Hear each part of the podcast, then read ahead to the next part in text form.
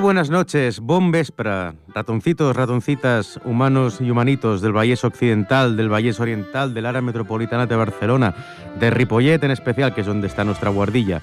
Esto es Ratones de Guardilla, programa, bueno, podría ser el tercero del año, pero sin embargo es el primero. Pedimos disculpas porque no pudimos acudir al primer programa de enero de 2022, ni al segundo, el de febrero de 2022. Insisto, 91.3 de AFM, ripolletradio.cat, podéis escucharlo pues en directo o también descargan, descargándolo, sí, descargándolo en diferido a través del, del podcast. En cualquier momento podéis escuchar nuestro programa. Ratones de Buardilla. Bueno, ante todo, feliz año nuevo. No nos escuchamos desde diciembre y, y bueno, han pasado muchísimas cosas desde diciembre de 2021 hasta ahora. Eh, bueno, nos está tocando vivir una realidad bastante complicada, ¿no? Eh, estamos ahora mismo en un conflicto internacional, sin obviar que siguen habiendo otros cientos de conflictos en todo el mundo, porque, bueno, este es el más sonado porque digamos que se está más cerca de casa, ¿no? Pero no nos olvidemos que siguen habiendo guerras en los cinco continentes, siguen habiendo litigios, siguen habiendo problemas, hay una crisis económica, una crisis energética, y bueno, al final hablaba con un humano que vamos a tener que volver a desplazarnos en carreta porque la gasolina, el carburante está imposible. Vamos a tener que usar luces, bueno, velas, porque la luz está también imposible. Y, bueno, bañarnos en el río como hace unos cuantos, unos cuantos años, porque está todo bastante difícil. Se avecinan tiempos difíciles, ya no solo por esta cosa que nos asola desde hace dos años, cuyo nombre no quiero acordarme, sino que también, bueno, se avecinan tiempos. Y qué mejor, y qué mejor que afrontarlos pues en una buena buhardilla, con los ratones de buhardilla de Ripollet Radio, leyendo un buen libro, eh, revisando unos cajones polvorientos, unas estanterías idem, también polvorientas, y, disfrutando de un poquito de la vida, ¿no? Mientras se pueda, ese carpe diem cobra más fuerza más que nunca. Eh, básicamente, hacemos un poquito de remember porque, insisto, hace dos, tres meses que no nos escuchamos. Y nada, esto es un programa pues que se habla básicamente de objetos y historias que puedes encontrar o desarrollar a partir de, las búsquedas en una vieja buhardilla de Ripollet. Y, y, bueno, podemos hablar, ya hemos hablado de cintas VHS, cine, literatura, otras ramas de las humanidades como la historia, la geografía, la arqueología, la filosofía. Es un programa en el que también podemos hablar de educación y pedagogía y obviamente también es un programa en el que podemos hablar de ajedrez. No nos olvidemos que un servidor, Perico, aunque ya, bueno, ya conocéis mi identidad, no la voy a volver a repetir por si acaso, mm, puede volver a molar eso de estar en, el pseudo anonimato. Mm, bueno, es un programa que está elaborado por los amigos del Club de Ajedrez Palau Ausid, situado en la calle Federico García Lorca número 5 de Ripollet, en la Asociación de Vecinos Cambargas. Y dices, bueno, sí, yo quiero jugar al ajedrez, quiero jugar a otros juegos de mesa, quiero jugar a videojuegos retro, quiero simplemente charlar un poquito de la vida. Nos podéis encontrar de 5 a 7 de la tarde, de miércoles a viernes, en la Asociación de Vecinos de Cambargas, calle Federico García Lorca número 5. Club de ajedrez que, por cierto, está bastante activo últimamente. No está jugando este año la Liga Catalana porque aún estamos, mm, de alguna manera, rehaciéndonos de los devastadores efectos del nombre cuyo no quiero acordarme. Y sí, bueno, digamos que es un nombre que no quiero acordarme que es invisible. Dejémoslo en eso, en, un, en una cosita invisible que nos ha molestado y nos sigue molestando todavía. Ya empieza por C y acaba por S. Seguro que, sabéis qué es. Bueno, pues nos estamos rehaciendo de estos efectos y no ha podido ser posible hacer un equipo para la liga. Pero bueno, seguimos jugando torneitos online, seguimos jugando torneos amistosos, simbiosis con otras asociaciones, simbiosis con otros clubes de ajedrez pequeñitos como el nuestro, amateurs como el nuestro, y, nada, colaborando, colaborando bastante y ya pensando en el verano en una combinación excelente para todas aquellas personas que les guste el ajedrez, que les guste las tradiciones locales, que les guste el turismo rural, que les guste la buena música en vivo, por ejemplo, el visitar lugares emblemáticos como bonitas fortalezas o iglesias románicas, En fin, estos son los proyectos que tenemos de cara a cuando venga el buen tiempo. Podemos decir que la entidad está viva, que es lo importante, que estamos todos con buena salud y, lo pasamos pipa. De miércoles a viernes, de 5 a 7, en la calle Federico García Lorca, número 5.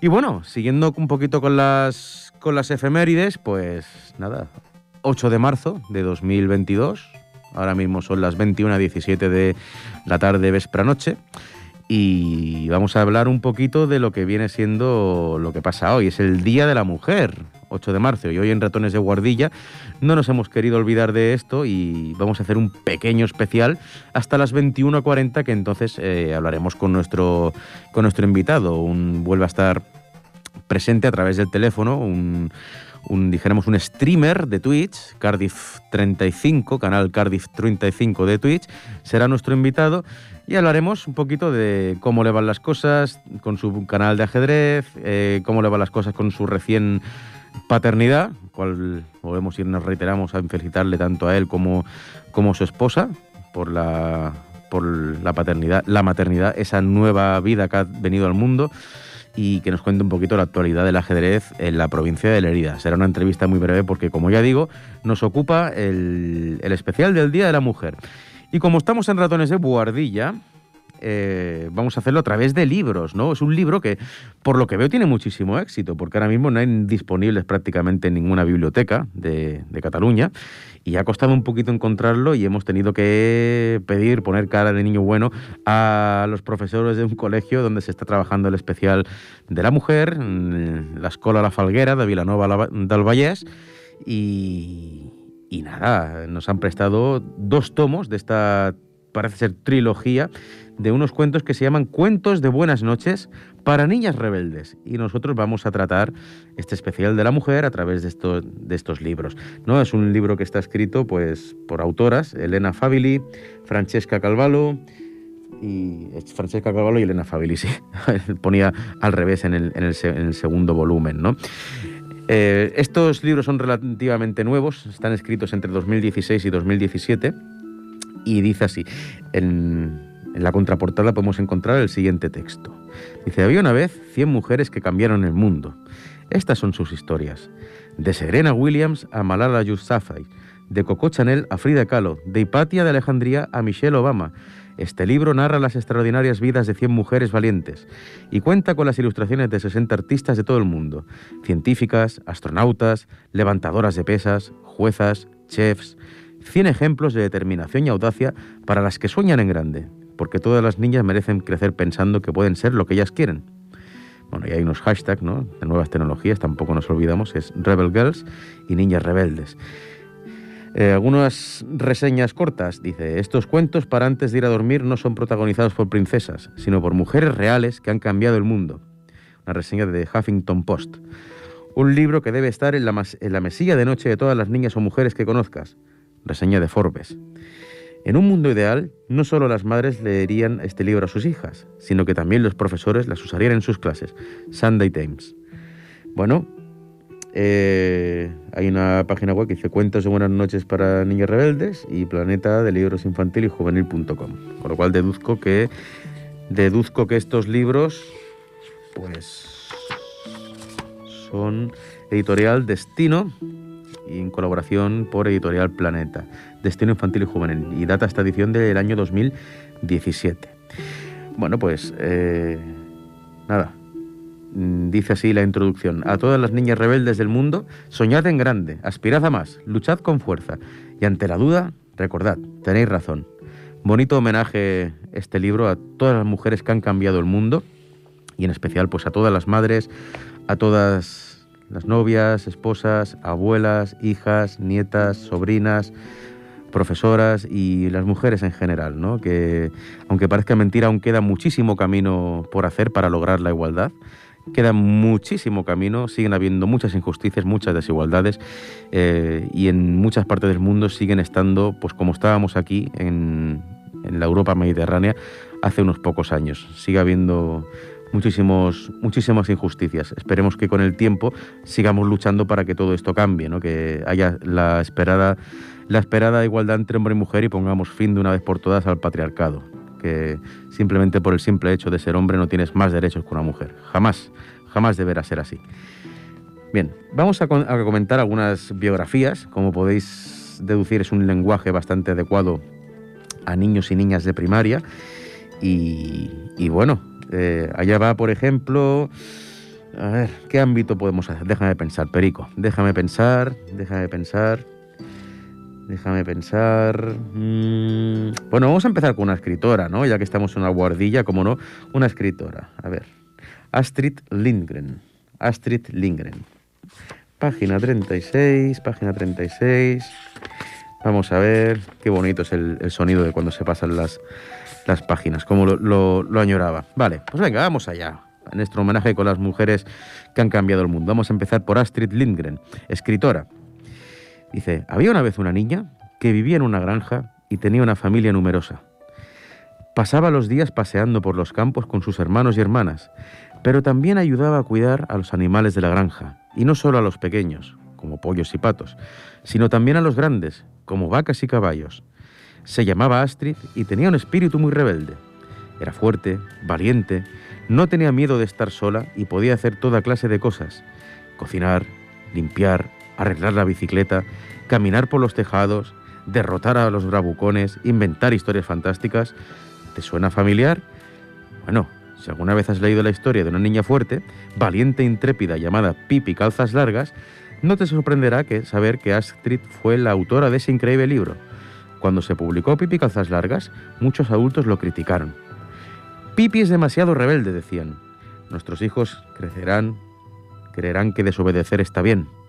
Sin embargo, a los niños y las niñas les encantaba Pipi.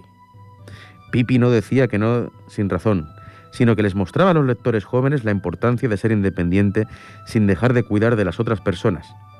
En la actualidad, Pipi Calzas Largas es uno de los libros infantiles más apreciados, Astrid escribió y publicó muchos otros que también describían a los niños y niñas fuertes que tomaban las riendas de sus propias aventuras.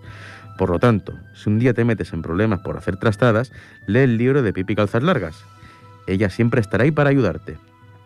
Y vemos que Astrid Lindgren nació el 14 de noviembre de 1907 y murió el 28 de enero de 2002. Era sueca. Y una frase célebre, una frase célebre de Astrid Lindgren sería la siguiente. Las travesuras no son algo que inventas, son algo que te ocurre. Bonita frase.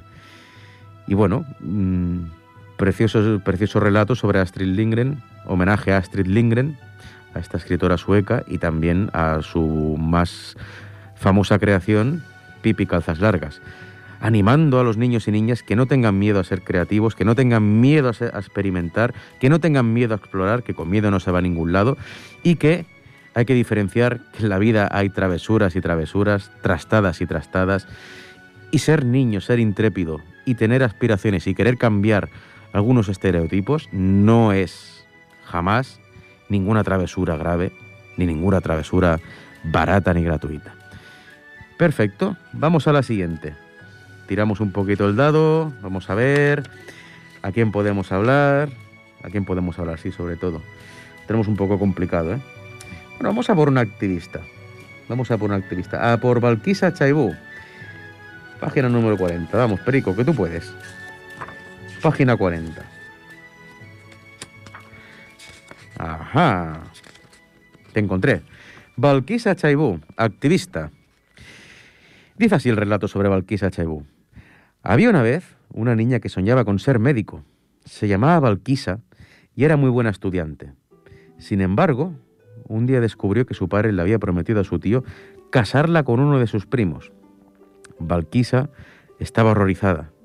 No podéis obligarme a que me case. Yo quiero ser doctora. Por desgracia, el país en el que vive Valquisa permite a los padres decidir los matrimonios de sus hijas cuando ellas todavía son niñas. Sin comentarios, hago una pausa porque me horroriza pensar en todo esto. Dejadme estudiar solo cinco años más, les rogó Valquisa a sus padres. Solo cinco años más. Ellos accedieron a posponer la boda. Pero cinco años después, el amor de Valquisa por el conocimiento se había hecho aún más fuerte. La noche antes de la boda, Valquisa huyó de casa y corrió al puesto de policía más cercano para pedir ayuda. Decidió desafiar a su tío en un juicio. La aterraba que esa decisión pusiera a toda su familia en su contra, pero su madre la apoyó en secreto para que siguiera luchando. El juez estuvo de acuerdo con Valquisa, y como su tío la amenazó, la obligaron a salir del, lo obligaron a salir del país, a él, por amenazar al juez. El tío de Valquisa amenazó al juez y tuvo que salir del país. Y dice, el día que gané el juicio y volví a ponerme el uniforme de la escuela, sentí que mi vida había empezado de nuevo, comentó Valquisa. En la actualidad, ella se está preparando para ser médico. También anima a que otras jóvenes sigan su ejemplo y se niegan a aceptar los matrimonios forzados. Este es otro frente abierto que queda en el mundo, los matrimonios forzados. Para ello, visita escuelas y habla con jefes tribales al respecto. Estudiad con todas vuestras fuerzas. No es fácil, pero es nuestra única esperanza, les dice Valquisa a las niñas. Valquisa nació en 1995 en Nigeria. Y una de sus frases más célebres son, les demostraré lo que puedo lograr en la vida.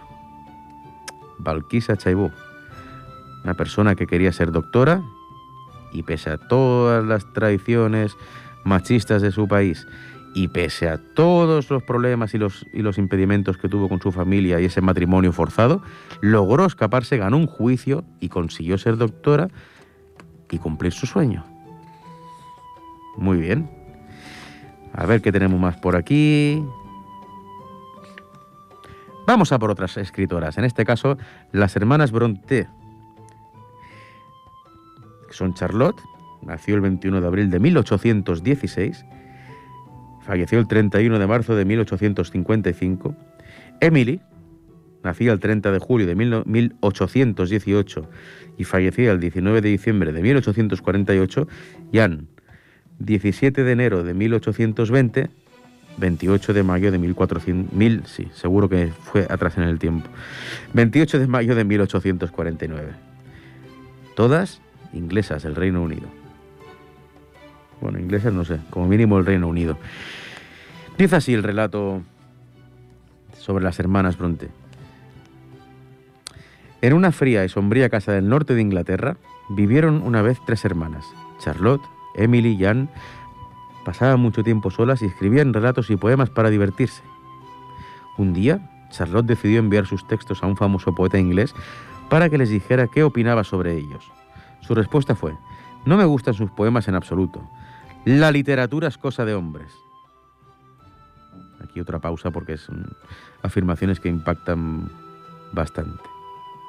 Pero Charlotte no dejó de escribir. Una noche encontró un cuaderno abierto sobre el escritorio de su hermana Emily. ¿Por qué nunca nos has enseñado tus poemas? le preguntó Charlotte. Son preciosos. Emily se enfureció al saber que su hermana había leído sus escritos sin su consentimiento. Sin embargo, cuando se tranquilizó, Charlotte hizo una propuesta a sus hermanas. ¿Por qué no escribimos un libro de poemas juntas? Emily y Anne accedieron. Cuando por fin se publicó el libro, solo se vendieron dos copias, pero ellas no se dieron por vencidas y siguieron escribiendo en secreto y discutiendo sus textos a la hora de la merienda. Esta vez, cada una trabajó en una novela distinta. Cuando se publicaron fueron un éxito inmediato. La gente de su época no podía creer que hubieran sido escritas por tres muchachas de campo, así que las hermanas tuvieron que viajar a Londres para demostrar que eran las autoras legítimas. Sus libros han sido traducidos a muchos idiomas y leídos por millones de personas en todo el mundo. Y una de las frases de la hermana mayor, Charlotte, frase mítica, no soy un ángel, ni lo seré hasta que muera, seré yo misma. Muy bien, pues es un increíble ejemplo de superación, ¿no? Tenían que luchar contra el machismo, tenían que luchar contra la discriminación de ser habitantes del mundo rural, tenían que luchar contra la discriminación por ser muy jóvenes y, bueno, un ejemplo de tenacidad, ¿no? Sus primeros libros no fueron un éxito, pero luego fue espectacular. Y además tuvieron que ir a demostrar que fueron escritas por ellas. Todos estos, estos éxitos. Bueno, Menudo mundo, menudo mundo. Y aunque parece mentira, estas cosas siguen ocurriendo. Quizá en menor grado, pero siguen ocurriendo. Y hay que seguir luchando para cambiar estas cositas. Vamos a viajar un poquito hacia el este. Vamos a hablar sobre Catalina la Grande, emperatriz. Nació el 2 de mayo de 1729 y falleció el 17 de noviembre de 1796. Imagino que toda su vida prácticamente transcurrió en Rusia. Catalina la Grande de Rusia, emperatriz. Había una vez una reina que se sentía desprecio por su marido. Se llamaba Catalina y su marido Pedro era emperador de Rusia. La gente consideraba que el emperador era malvado y arrogante. Catalina sabía que ella podía gobernar mejor su patria. Lo único que necesitaba era encontrar la manera de reemplazar al rey. Seis meses después de haber sido nombrado emperador, Pedro se tomó unas vacaciones y se fue sin Catalina. ella vio ahí una oportunidad dio un discurso inspirador a los soldados reales y los convenció de ponerse de su lado. Dejaron de ser leales a Pedro y un sacerdote la declaró nueva gobernante de Rusia. Al poco tiempo se mandó a hacer una magnífica corona que estuviera a su altura. Una de las primeras cosas que hizo como emperadora fue mandar arrestar y encarcelar a su marido. Los orfebres de la magnífica corona de Catalina tardaron dos meses en terminarla. Estaba hecha de oro y plata y tenía 4.936 diamantes, 75 perlas y un enorme rubí que la remataba. Durante su reinado, Catalina extendió el imperio ruso al ganar varias guerras y sofocar revueltas. Mucha gente la envidiaba por ser una mujer tan poderosa. Decían cosas horribles de ella a sus espaldas mientras estaba viva, y cuando murió dijeron con malicia que debió de haberse caído por el excusado. Sin comentarios. De hecho, Catalina murió en su cama y fue enterrada en una suntuosa tumba de oro en la Catedral de San Pedro y San Pablo de San Petersburgo. Y una de sus frases míticas, soy una de esas personas que adora el porqué de las cosas. Bueno, totalmente diferente, ¿no? Pero también una contribución y, una, y, una, y un avance de ver que los países podían ser también gobernados por mujeres. Estamos hablando de mil, del siglo XVIII, estamos hablando del siglo XVIII y esta mujer pues fue puntera. ¿vale? No discutiremos ahora mismo mm, la situación de en aquel momento del imperio ruso, ni sus ni, el tema de los lujos, ni el tema de la nobleza, no hablaremos ahora eso, simplemente Catalina la Grande como avance para ver que una mujer también puede gobernar un país. Seguimos. Vale, y ahora una grande también. Claudia Ruggerini, una partisana, ¿vale? Nació el febrero de 1922 y murió el 4 de julio de 2016, italiana. Dice así el relato sobre Claudia Ruggerini. Había una vez una niña que tuvo que cambiarse el nombre. Hola Marisa, la saludaban sus amigos. Ninguno se imaginaba que su verdadero nombre era Claudia. Era demasiado peligroso llamarla así. Claudia vivía en una época en la que Italia, su país de origen, era gobernado por un dictador llamado Benito Mussolini. Durante el régimen de Mussolini había ciertos libros y películas que estaban prohibidos. La gente no podía expresar su opinión y no podía votar. Claudia creía en la libertad y decidió luchar contra ese hombre con todas sus fuerzas, así que se unió a un grupo de partisanos, partigiani en italiano, o rebeldes, para ayudar a derrocar al dictador. El grupo de Claudia estaba formado por jóvenes universitarios que se reunían en secreto después de clases para publicar su propio periódico. Pero, ¿cómo podían difundir su mensaje si la policía de Mussolini estaba en todas partes? Claudia fue muy valiente. Condujo su bicicleta de una habitación secreta a otra durante casi dos años para llevar periódicos y mensajes confidenciales. Un día, el régimen finalmente se hundió. La Radio Nacional anunció que Italia era una nación libre del fascismo y la gente inundó las calles para celebrarlo. Claudia, o Marisa, tenía una última misión. Con un pequeño grupo de partisanos entró en las oficinas del periódico nacional italiano Il Corriere della Sera y lo liberaron oficialmente de la censura después de 20 años. Finalmente publicaría la verdad y los amigos de Claudia ya podían llamarla por su verdadero nombre. Llama la atención que fue una persona que, que vivió 94 años y una de sus frases míticas son, más fuerte que el miedo es el deseo de luchar por la libertad. Bueno, doblemente grande, ¿no? Claudia Ruggerini, ¿no? Con, luchando por los derechos de la mujer y, y ayudando a liberar Italia del fascismo. Venga, vamos a comentar un par de, de personas más, de mujeres más, que han sido muy grandes en la historia, y luego ya, ya nos pondremos en contacto con nuestro, con nuestro invitado de hoy. Mm, es que son todas tan, tan importantes y tan grandes que es difícil elegir. ¿eh? Tengo una, misión de elegir bastante complicada.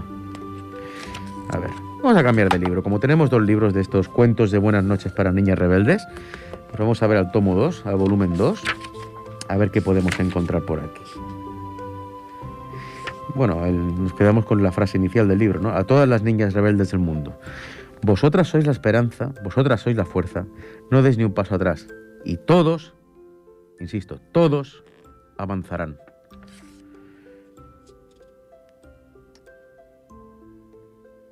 Uy, qué bonita, esta, esta no me la puedo perder. Esta no me la puedo perder. Beatrix Potter, la autora del libro Perico el conejo travieso. Yo soy un ratón, que me llame Perico. Pues vamos a por Beatrix Potter, página 32. Beatrix Potter, escritura, escritura, escritora e ilustradora. Vamos allá. Página 32, 32, 32, 32, 32. Vamos, Perico, tú puedes llegar. Ahí está. Beatrix Potter, escritora e ilustradora. Y dice así. Había una vez en Londres una niña a la que le encantaba pintar animales. Beatrix se pasaba todo el año esperando las vacaciones de verano cuando ella y su hermano podían escaparse de las aburridas y grises calles de la ciudad para ir a las salvajes montañas de Escocia. En cuanto deshacía las maletas, Beatrix cogía sus pinturas y pinceles, se ponía unas botas y salía al campo. Era tan silenciosa que los ratones, como nosotros los ratones de guardilla, pasaban sin miedo junto a ella y los conejos saltaban y mordisqueaban la hierba a sus pies.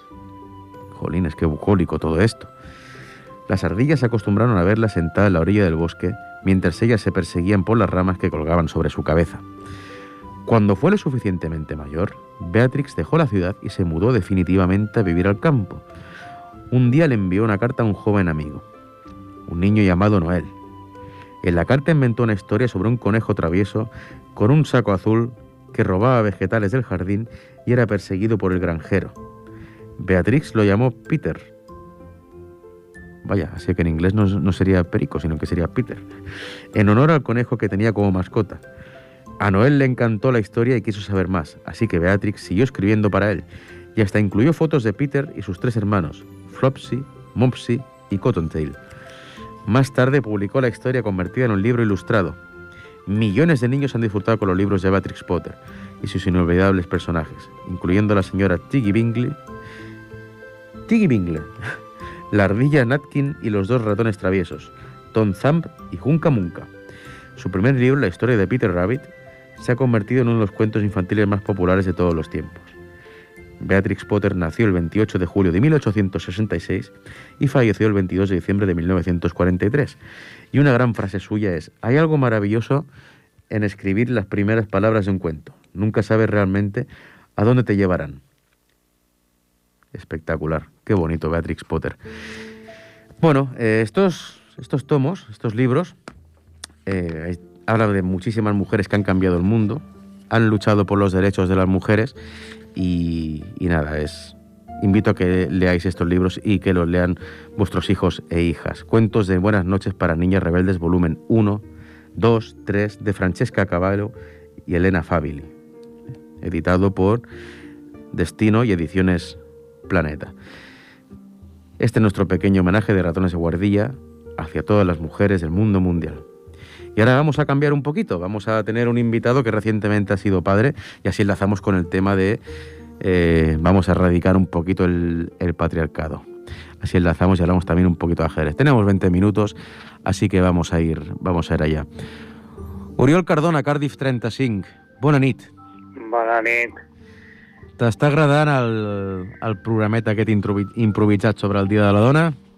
Sí, està molt bé. Sempre que se pugui apoyar a les dones i a les dones treballadores, I tant. tot és bo. I tant. Mai pararem de lluitar per la igualtat. Portem segles i encara hi ha molta feina per fer. Al món s'estan cometent moltíssimes injustícies i sobretot contra les dones i tot això s'ha de canviar. Hem d'arribar a la igualtat. No, no pot ser que un home sigui millor que una dona i a l'inrevés. Això mm. s'ha acabat.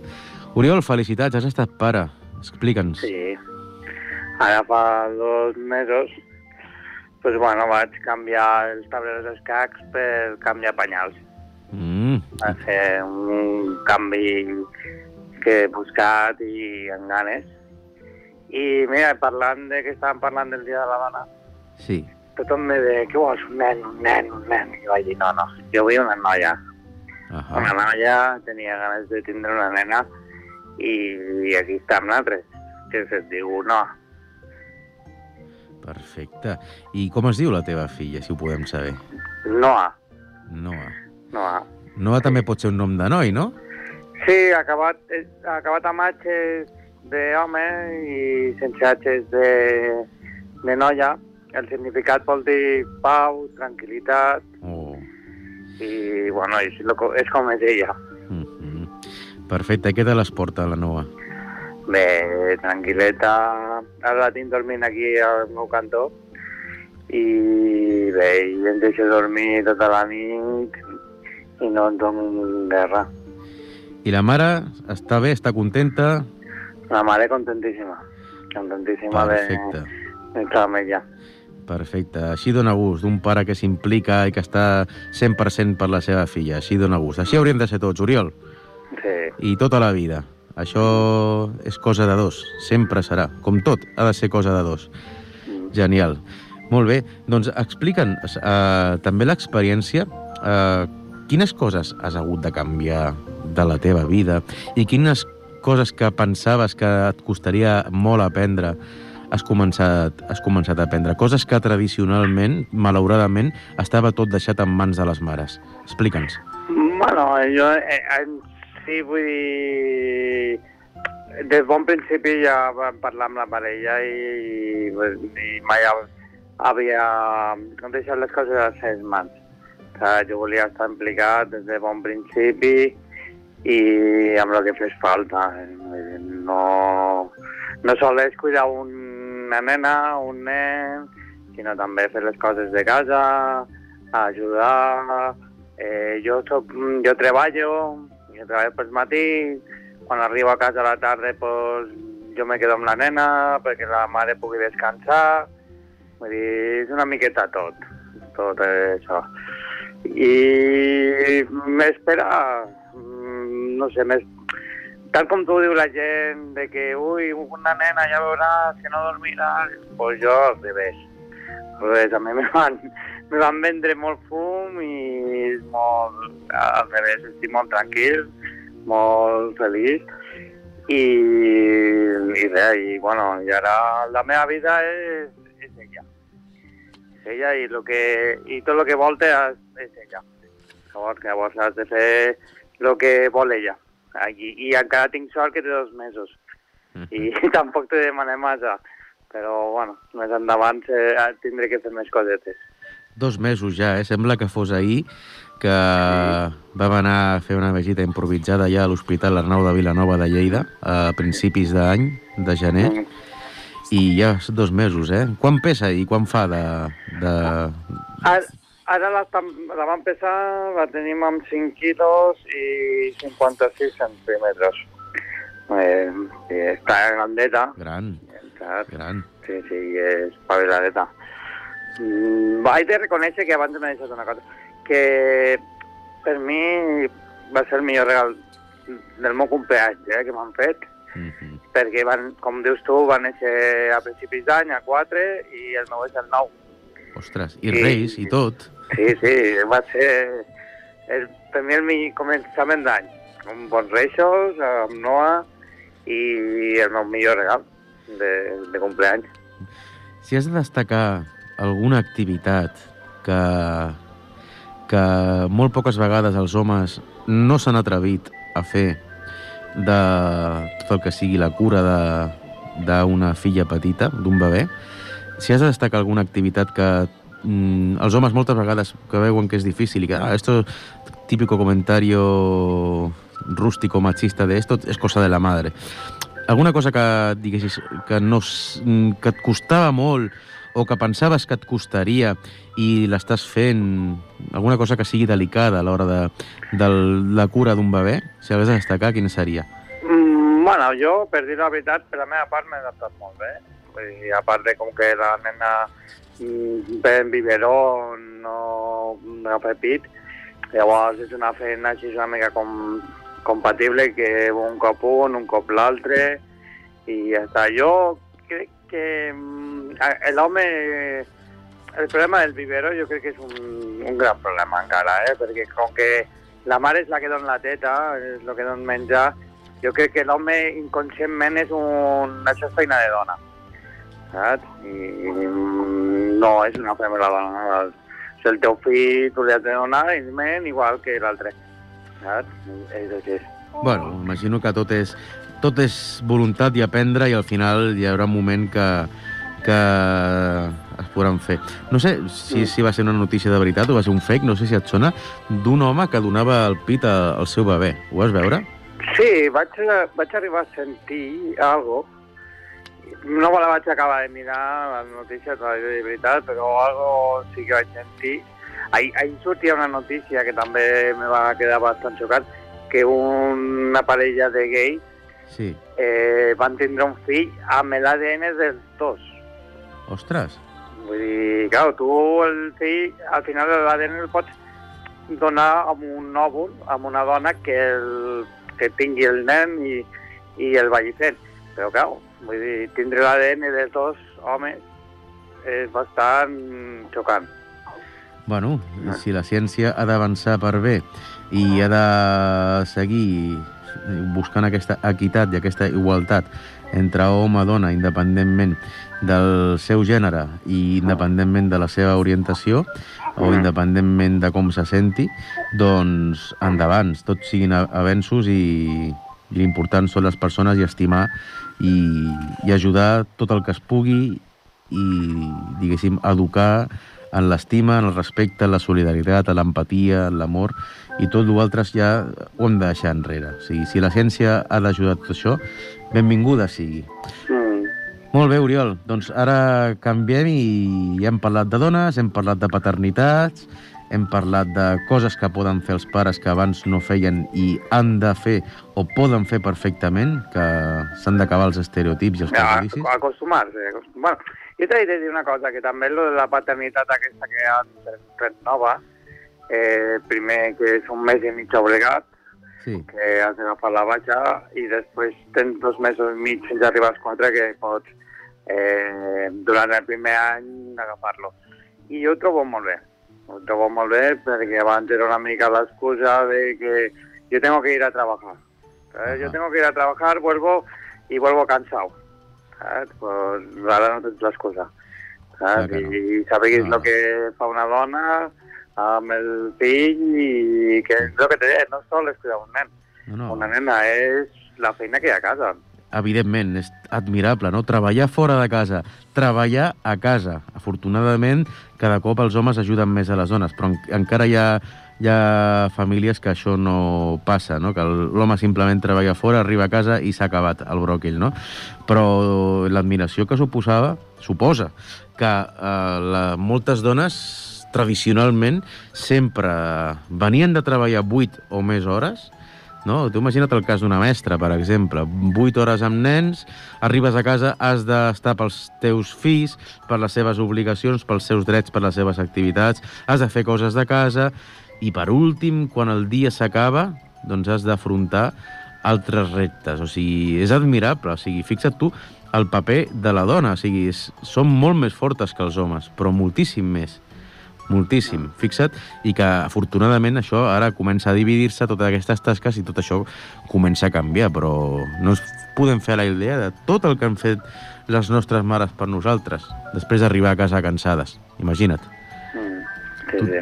Totalment admirable, lluable i hem de seguir intentant que això canvi perquè els homes també poden fer això, han de fer això. Mm. Vale, doncs ens queden 10 minutets. Oriol, Uh, I, bueno, hem, ja et dit, després de parlar de dones i de pares i de fills i de bebès i de filles i de dones, uh, anem a parlar una miqueta d'escacs, no? Com està el teu canal Cardiff 35 i com veus els, els cacs a Lleida? Tenim 10 minuts.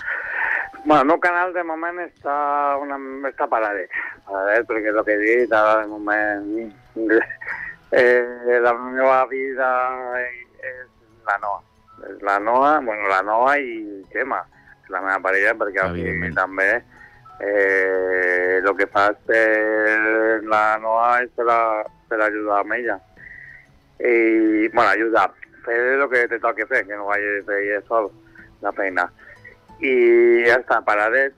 I, bueno, i el que te dic, jo m'he desconnectat un any des d'escacs per a dedicar-me a això i per lo que tinc entès amb els contactes que, que tinc dels meus amics jugadors, pues bueno, mm, està bé la lliga. Eh, això de que dintre d'un tablero ha ajudat amb alguns equips a poder jugar, perquè han desaparegut bastants equips aquí a la província de Lleida, que el primer el Vilabarca, on jugava jo. Una llàstima, eh? Autèntica sí, llàstima. Sí, sí, sí, sí, perquè vull dir, la federació en vez d'ajudar els, els equips petits, al final acaba ajudant els grans.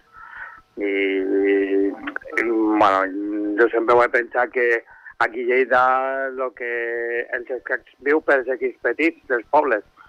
Saps? Vull dir, si després acabem fent una lliga amb els quatre equips grans, gràcia poca té. I, i, i si després hem de que quan, quan passi la pandèmia mmm, se pugui apoyar una miqueta més amb aquests equips petits. I, bueno, i bé, ha sortit un equip nou, el flanc de dama, que és del Josep Oms, el gran mestre Josep Oms, i, i està jugant bastant fort. Després tenim el Pardinyes, que per culpa que ho parlàvem de, de la pandèmia ha tingut que mentar el seu equip a preferent, però ha tingut que baixar a segona B el de primera per falta de gent.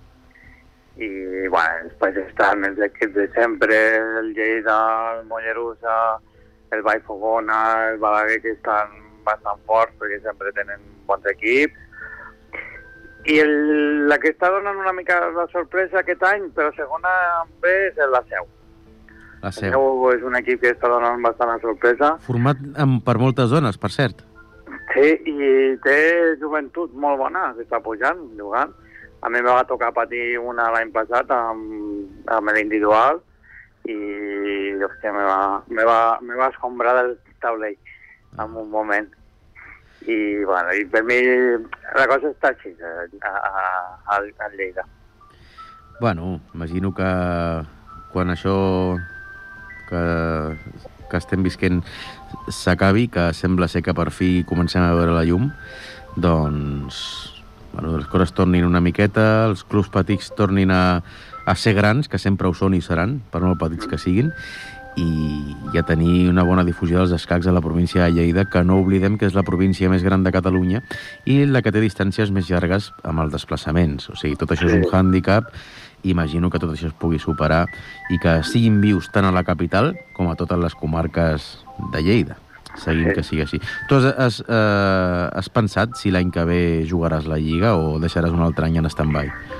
Bueno, mm, primer dir-te que quan sento parlar la gent dels campionats, de les partides, mm, me corre envidia sana, envidia sana.